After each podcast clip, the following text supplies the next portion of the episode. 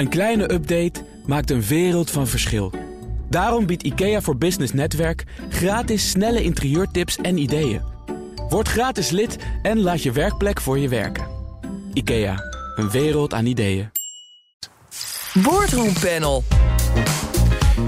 JP Morgan verwacht vanaf juli weer werknemers op de werkvloer toe te laten. Hoe komt de post-COVID werkweek eruit te zien? En muziekdienst Spotify beschuldigt Apple al twee jaar lang van oneerlijke concurrentie. En nu is er bemoeienis vanuit Europa. De Europese Commissie kijkt mee. Ik bespreek het met het Boardroom Panel. En daar zit Paul Koster, directeur van de Vereniging van Effectenbezitters, de VEB. En AG Telleman, managing partner bij Twijnstra Gudde en voorzitter van de Sportraad Amsterdam. Na alle Haagse ontwikkelingen, nu het woord aan jullie. Paul, jij wilde als eerste uh, crypto's op de agenda zetten. Waarom? Nou, crypto's staan natuurlijk in het midden van de belangstelling. En het is denk ik belangrijk dat we ons afvragen: wat betekent dat? Uh, hoe moet je er naar kijken als belegger? Dat is natuurlijk vanuit mijn rol uh, bij de VEB. En uh, daar maak ik me toch wel zorgen over. Het is denk ik heel belangrijk dat we constateren dat banken um, eigenlijk tegen spaarders zeggen: jouw geld hebben we niet meer nodig. Um, want we gaan je een half procent boeterente berekenen boven een bepaald bedrag. En eigenlijk is dat de traditionele functie van een bank om deposito's veilig weg te kunnen zetten. Maar je kunt toch ook zeggen dat je daar uh, geld voor mag vragen, een kleine vergoeding? Nee, want het is nou juist dat um, die banken dat geld dan weer gebruiken om te investeren. Dat is de cycle waarin ze normaal functioneren. Dat kan nu niet, omdat de banken een half procent boete moeten betalen aan de ECB. Maar wat je ziet is dat dat enorm antemeert om alternatieve beleggingen te zoeken. En daar komt Bitcoin om de hoek kijken. En dat is toch, in mijn ogen, is er ook een zekere relatie tussen de prijs van Bitcoin en het vertrouwen dat we nog hebben in de instituten waar we eigenlijk mee zijn opgegroeid. En dat is een belangrijk concept waar we echt over na moeten denken. Wat dat betekent. En dat mensen ook worden gewaarschuwd loop niet te snel achter een hele snelle ontwikkeling. Maar je, je, mag instituten, ook al zijn ze er vanaf je kindsjaren, mag je toch wel wantrouwen of mag je toch kritisch volgen? Zeker. Maar het is nou juist dat we in de hele discussie over banken en de rol die ze hebben, eigenlijk zeggen we moeten kunnen vertrouwen op die banken. En in mijn ogen is spaargeld weg kunnen zetten bij een bank. Ik had vroeger nog bij de Rabo zo'n, bij de Boerenleenbank nog zo'n spaarboekje. Is toch echt belangrijk om het vertrouwen in de instituten te behouden. Ja. Dat ze daar een antwoord op moeten hebben, is ook voor de regulators, de toezichthouders, een heel belangrijk fenomeen. Is het een, uh, een, gevaarlijke ontwikkeling dat mensen die uh, geld hebben, geld te besteden hebben, want het gaat over die negatieve rente voor mensen met meer dan een ton natuurlijk. Uh, is dat een gevaarlijke ontwikkeling dat die nu hun hel zoeken in onder andere bitcoin of andere crypto? Nou, ik vind het op zich geen gevaarlijke ontwikkeling dat gevestigde uh, instituties af en toe worden uitgedaagd en gechallenged. En dat dat ook kan leiden tot innovatieve diensten. Maar we zien natuurlijk, als daar niet hetzelfde toezicht op van toepassing is, dat er dan echt uitwassen kunnen ontstaan. De vorige keer dat we hier spraken, ging het over Greenshield, over schaduwbanken. En die bieden ook een alternatief voor. En daar waren heel veel Duitse gemeenten die miljarden geld kwijt zijn geraakt van de belastingbetaler, omdat ze hun geld goed willen en een alternatieve bank zochten, omdat ze het bij de gewone bank ook daar die, weer die boeterente over moesten betalen. Dus de vraag is: welke controle is er op? En heeft de toezicht dan ook greep op de nieuwe uh, toetreders tot de markt? Het wordt natuurlijk wel steeds volwassener. Hè? Banken zijn ermee bezig, institutionele beleggers zijn ermee bezig. En, en, om nog even aan te haken op de actualiteit van deze week... Tesla is er natuurlijk ook al een tijdje mee bezig. Ik ben benieuwd hoe jij er naar kijkt, want uh, Tesla heeft een bepaald percentage van zijn bitcoins verkocht. Elon Musk zegt bij wijze van test... we wilden eens kijken, kunnen we er makkelijk vanaf? Is het liquide te maken? Kan het eigenlijk uh, nou, dienst doen als geld? Dat blijkt te kunnen. En en passant is ook nog de winst daarmee wat opgepoetst. Ja, het is een, eigenlijk het is het een conflict. Tesla staat bekend om zijn groene uh, toekomst die ze biedt. Met namelijk met de elektrische uh, motor die ze zo goed hebben ontwikkeld. En de auto die daarbij hoort. En ineens zegt Tesla: we gaan uh, ook bitcoins kopen. En bitcoins zijn qua energieverbruik echt enorm vervuilend. Dat betekent dat um, er eigenlijk een tegengesteld belang is waar Tesla naar de buitenwereld toe eigenlijk steeds verkondigt. We zijn er om de groene toekomst um, een, een goede uh, invulling te geven. Maar tegelijkertijd gaan ze een hele andere route op met de bitcoin. Mm. Dat is iets wat we niet moeten negeren. En waar echt ook aandacht voor moet worden uh, gevraagd. Namelijk, wat zijn de consequenties voor het milieu? We gaan naar een, een, ander onderwerp. Een onderwerp dat er nog wel een tijdje zal spelen. Namelijk, gaan mensen weer eh, naar hun werk, naar kantoor? En in hoeverre mag een werkgever dat dan afdwingen? Financial Times maakte gisteren een interne memo van de Amerikaanse zakenbank JP Morgan openbaar. Daarin stond dat de bank verwacht dat er in juni alweer bankiers op de werkvloer te vinden zullen zijn. Uh, en de eh, CEO zegt er zijn er verschillende goede redenen voor. De besluitvorming gaat trager. En jonge bankiers met name, die leren het vak niet. Dus komt allen tezamen. Ageet, snap je dat? Ja, nou kijk, ik denk dat er, dat er voor heel veel medewerkers ook geldt dat we staan te trappelen om weer naar kantoor te kunnen. Omdat dat ook echt wel dingen biedt die we missen nu we allemaal thuis werken. En dan hebben we het even over de kenniswerkers.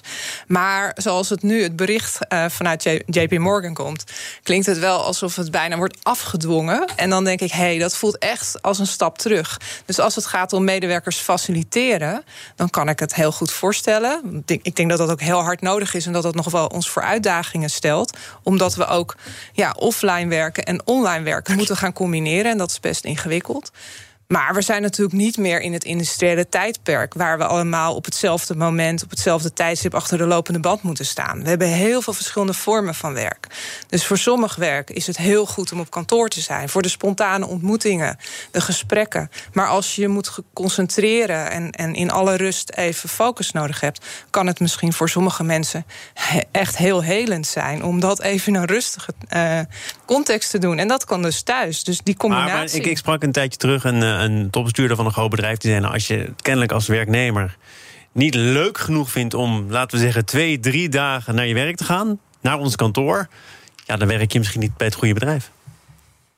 Ja, nou ja, ik vraag me af, leuk, leuk. Er zijn ook mensen die het heel leuk vinden om heel leuk te praten heel lang zonder aan het werk te gaan. En er zijn mensen die het heel fijn vinden om gewoon functioneel aan de slag te gaan. Ik denk dat je bedrijf uit heel veel verschillende mensen bestaat. En sommige mensen gedijen in een kantoortuin. En andere mensen gedijen daar absoluut niet. Andere mensen, voor bepaald werk is het heel functioneel op kantoor. Voor bepaald werk is een rustige context. Ja, maar ik begon met de argumenten van die, van die topman. Hè? Die zegt dus het is belangrijk voor besluitvorming. Dat moet soms snel. En het is belangrijk om het vak onder de knie te krijgen. Nou, dat vind ik ook argumenten die ik heel goed uh, volg. Maar dat wil niet zeggen dat je weer vijf dagen in de week op kantoor moet zijn. Dus ik denk het combineren, dat daar de uitdaging ligt. En het dus het equiperen en faciliteren van de slimme mensen waar je bedrijf uit bestaat, is een veel slimmere strategie. Doen wij overigens bij Twijnse Geuren ook al jaren zo, ook voor corona. In plaats van dat je als bedrijf gaat afdwingen dat je allemaal per se op kantoor moet zijn. Oh. Ja, ik denk dat je echt, ik sluit me groot, grotendeels aan. Maar je moet je echt afvragen: wat kunnen we behouden?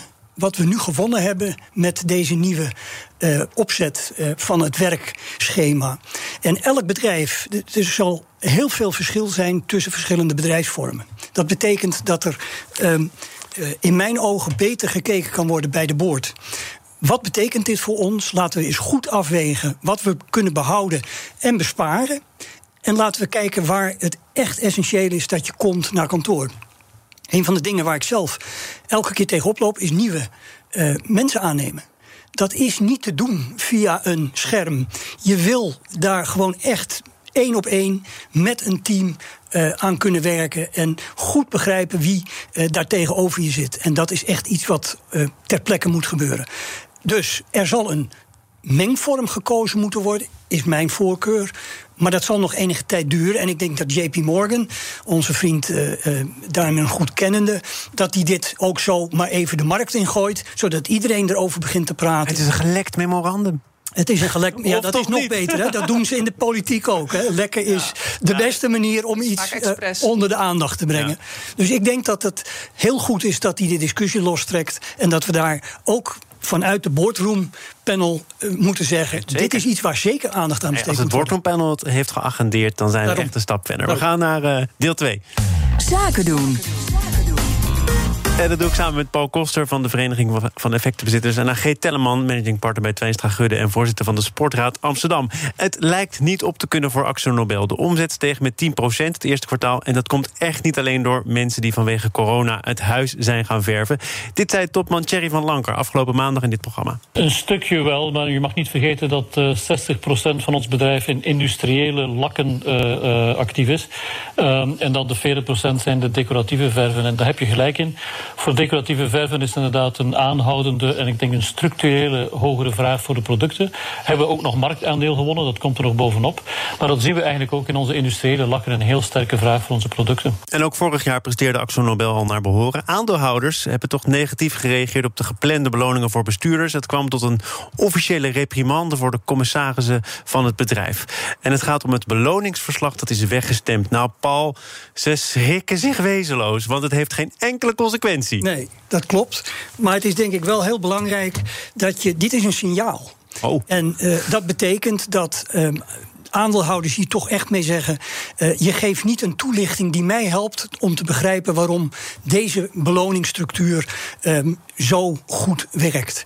Dat is het signaal wat commissarissen echt moeten oppakken. En gewoon zeggen: een beloningsverslag, het heeft verder geen invloed op onze besluitvorming en het staat toch vast. Dat is de verkeerde insteek. Aandeelhouders, maar, maar feitelijk is het wel zo. Feitelijk is het zo, maar inhoudelijk doen aandeelhouders nou juist een poging om tijdens een vergadering toch de punten naar voren te brengen waar ze aandacht voor willen. En het zou heel slecht zijn als commissarissen daar nonchalant van zeggen: Nou ja, het heeft verder geen invloed, we laten het verder maar passeren. Ja. Dat betekent dat wij ook zeggen: Dit is echt een reprimande, want het is al ook bij flow traders gebeurd dat het beloningsverslag niet werd goedgekeurd. Maar je hebt bepaalde harde grenzen, denk ik. Je wordt afgerekend op omzet, op winst. Nou, eh, waren deze bonussen voor een deel gekoppeld aan winst op 15% en simsalabim. Het was precies 15%.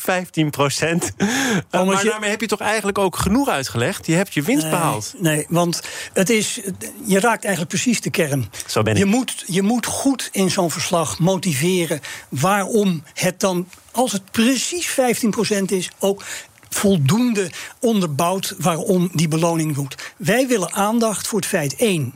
Dit is een hele uitzonderlijke tijd. Mm -hmm. Dat maakt het ook belangrijk dat er door de commissarissen in ieder geval gedurende deze hele uh, lastige periode anders gekeken wordt naar de beloningsstructuur dan in het verleden. En dat had ook misschien in het beloningsverslag nog beter geaccentueerd ja. kunnen worden. Uh, Ageet, dat beloningsverslag is weggestemd. 15% winst, dat was de grens die was gesteld. Daar komt het op uit. Um, vind je dat daarmee de kous af is of deel je de lezing van Paul? Ja, of de kous af is. Kijk, maatschappelijk gezien is hier natuurlijk een debat over. Het, uh, de commissarissen hebben willens en wetens dit toch willen doen. Want ze zijn natuurlijk niet verrast. Je weet ook, je weet wat je aandeelhouders vinden als het goed is. Maar uh, we hebben kunnen lezen dat de winst ook iets is bijgesteld. De bonussen zijn niet naar, eh, dus naar beneden bijgesteld, de bonussen niet. Ik verras me erover, en dat zeg ik het gewoon uh, nog zacht uitgedrukt, dat dit soort praktijken persoonlijk vind ik dat echt ongelooflijk dat dat nog steeds zo gebeurt. Want het gaat, kijk, er is niks mis met bonussen. Maar dit gaat over exorbitant hoge bonussen. Dit gaat over 2 miljoen voor een topman. Twee keer een eh, basis. Wat, al een, wat in totaal 5,5 miljoen. Dat zijn hele hoge bedragen. En wat we kunnen zien is dat de accountant, PwC, ook gewezen heeft op risico's.